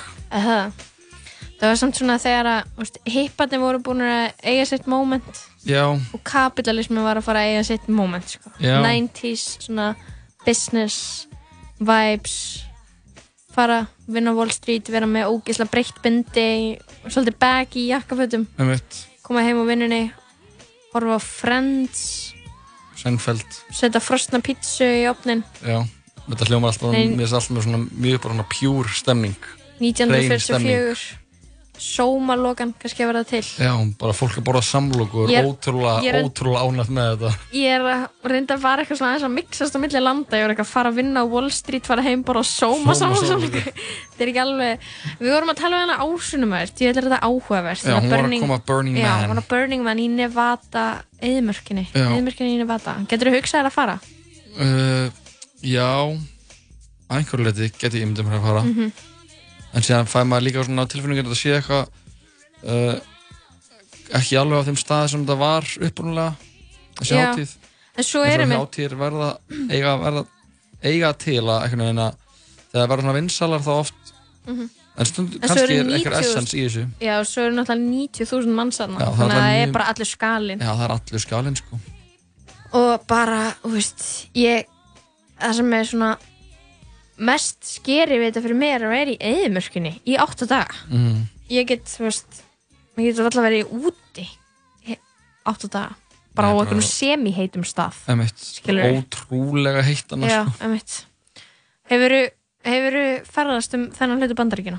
Nei, því miður sko, ég hef bara verið á uh, í New York og LA Já, að ég verið að vera í Boston og Boston. Chicago West Coast, East Coast, maður. Já, en ekki, ekki farið hana til Nevada eða það er það er alveg margt sem maður langar að skoða. Já, þetta eðimörku líf höfðar smá til mín, ég var oft hort á svona svona Amazing Homes þætti. Mhm. fólk sem er búið að byggja sér svona þetta er pælingin með sumabústað einhvers staðar þú veist, eins og margir íslendingar eiga sumabústað og svona getaway. Mhm.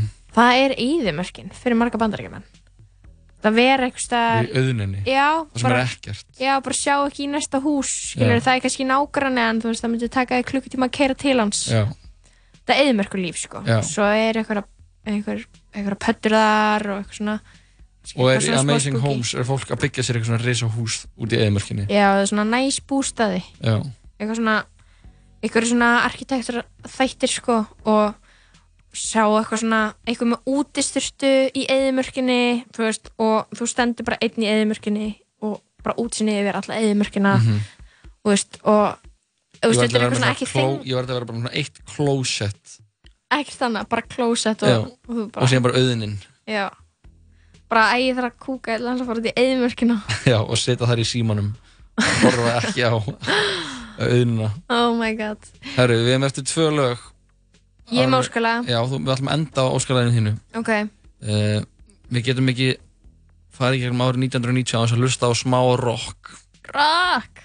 Og uh, hvar væri án rocksins? hvar væru án rocksins? Við værum Það ömuleg rosalega, rosalega góð spurning. En uh, hljómsveitin ACDC gaf út plötuna The Razor's Edge árið 1990 og það var ekki minna lag heldur en þetta sem byrjaði þá blötu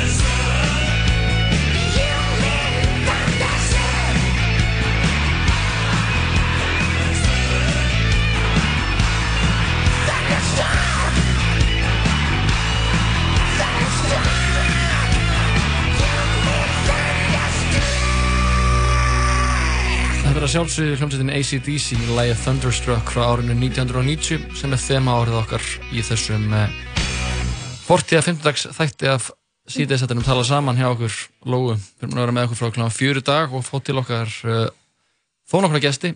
Pældi hvað er, já, ACDC maður, pældi hvað er voru lengi góðir. Já, Þannig að, gefu, veist, var þetta ekki eitthvað remake af þessu lagi? Var þetta að koma út fyrst 1990? já. Byrjuðu, þú veist, 70s. Late Eh, 70s. Er það? Byrjuður svona seint? Snemma.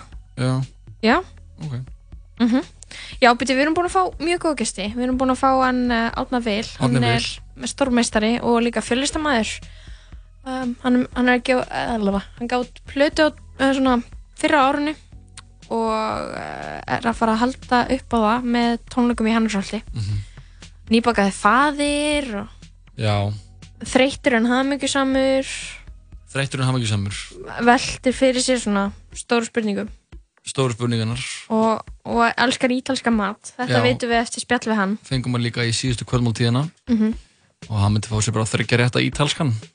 og hún valdi eiginlega bara uppáldum mitt pasta, pizza og tiramisu Já, N- ekkert betra við vorum með Jón Kristinn hérna líka Já. Jón Kristinn á kantinum, hann er uh, manna fróðustur um uh, málefni fyrri alda Mhm. hérna á Íslandi Mhm. allavega uh, í, af okkar kynnslóð hann er það. Hann er Og- sakfræði sérfrængu þáttarinn. Svo var að fjalla um uh, hann... Uh, Erasmus og Rotterdam og Luther og Rotterdam, það var í síðustu viku og þetta var svona senni hlutin af þeirri umfjöllun um uh, Luther Mhm. og uh, þeir eru svona rítið deilur getur þú hugsaði bara að heita Luther þú sem Luther Luther Kristoffer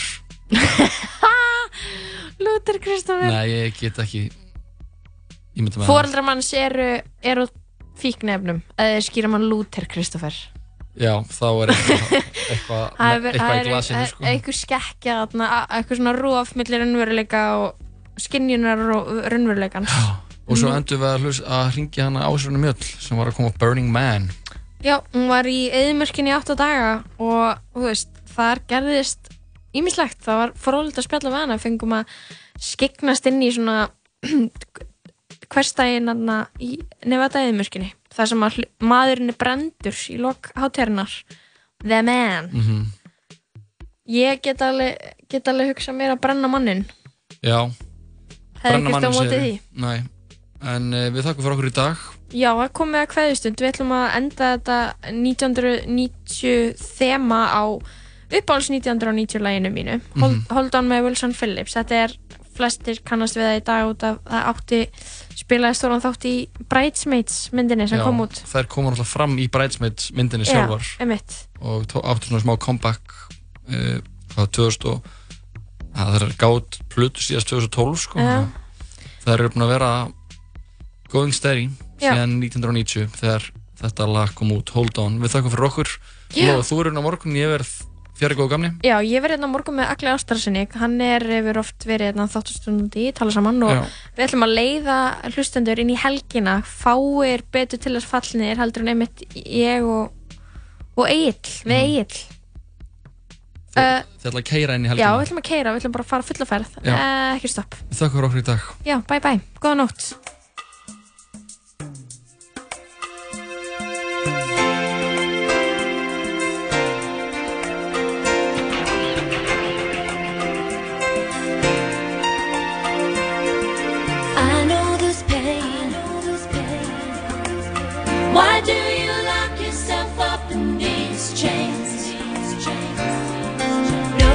Can change